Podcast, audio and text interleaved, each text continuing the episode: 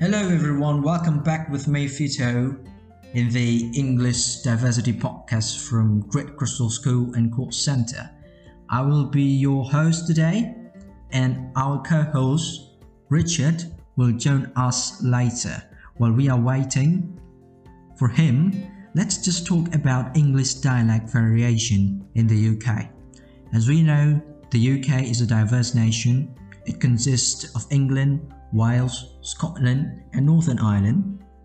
That means that people from the UK will use English differently as they come from different places. And they're also divided by uh, regional boundaries. We will see those variations from two perspectives. The first one is phonological, and then the second one is lexical.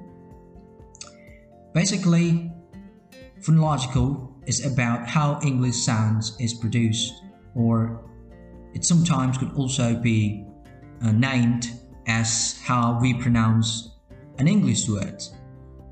And also, lexical is basically about vocabularies, how um, vocabularies can be so diverse because of regional boundaries in the UK. Okay, so the first variation is phonological variations. People from London and Manchester will produce their sounds differently. Londoners will say cup, while Mancunians or people from Manchester will say cop. Then notice how people from Scotland produce the R sound. They will say car as car and older as older. This is very rhotic compared to their colleague in the Midlands or Lowlands of the UK. And then the second one is lexical variation. In terms of vocabularies, the UK also have a lot of variations. For examples, people from Essex and Suffolk will say diddle instead of spade. And then notice how people from Wales call their grandmothers. Instead of just saying grandma or something else they call their grandmothers nain or can be spelled n-a-i-n also people from lancashire and yorkshire will reverse shed for cattle as a mistle or we can spell it as m-i-s T A L L. Well, yeah, as you can see, if you have heard, very diverse indeed because of the diverse nations in the UK, like Wales, England, Scotland, and Northern Ireland. Yeah, it inflicted um, dialect variation. Okay, for the next part, my co host Richard will talk to you guys about English dialect variation in the US. Something that I find really interesting is that um, you know there are different levels of dialect, which with dialect differences, they range from obviously use of different words like uh, when we're talking about a sandwich like a sub a hoagie a hero or a grinder to like minute details of phonetic production and perception of word pairs like dawn and don. Um, and i mean they may also involve like the way words are put together into sentences as in the house needs painted versus the house needs painting. And uh, something else is like even how language is used in carrying out social routines, such as greeting people with hi, hey, yo, or sup, bro. Um, like the levels of variation include the lexicon, um, which is the vocabulary of a language, the phonology, the sound system of a language, grammar, which of course is the formation of words and sentences, and then also the semantics, which is the meanings of words and then the final piece is the pragmatics, which is the use of language forms to perform different functions. Um, so I think it's pretty interesting if we examine language variation um, on each of these different levels and then consider how they actually contribute to differentiation in American English. Um, so, I mean, like, for example, if we talk about lexical differences, one of the most obvious levels of dialect variation is the lexicon and vocabulary of language.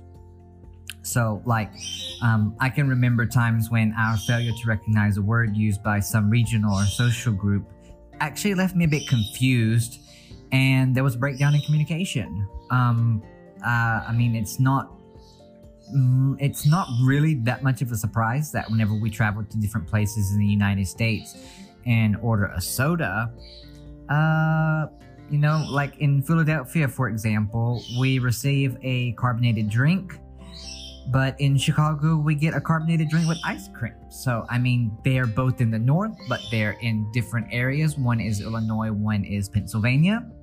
Um, one is in like the middle north, like, you know, close to Canada area. And then the other is in the northeast.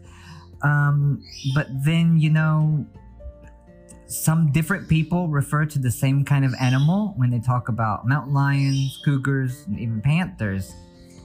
But I think sometimes, you know, like um, parents get confused when their teenagers describe an extraordinary event as tight, dope, or sick. You know, so it's like how everyone has a collection of favorite anecdotes about lexical differences among the dialects of English. Um, so like because the relationship between a real world object and the word used to describe it is almost always arbitrary.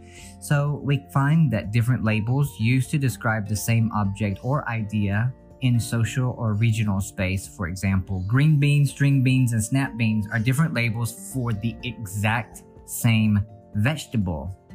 While when we talk about sneakers, tennis shoes, gym shoes, and running shoes, they also are the same basic type of athletic shoe when worn as casual footwear. So, like, we can find different words because we find diverse objects and activities in different regions.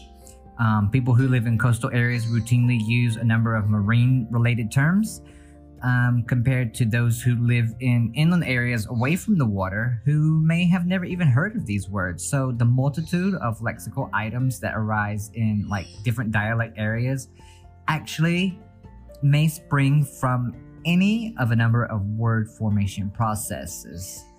Um, so, actually, new words may be completely made up.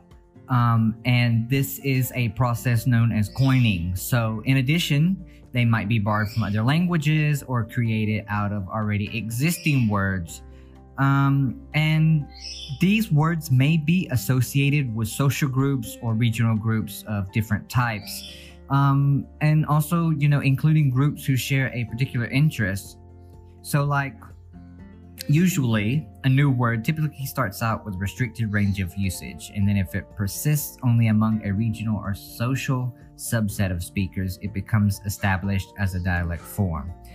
But when it spreads across a wide range of English dialects, then it becomes part of the English language as a whole. Well, Thank you for listening to the English Diversity podcast from Great Crystal School and Call Center.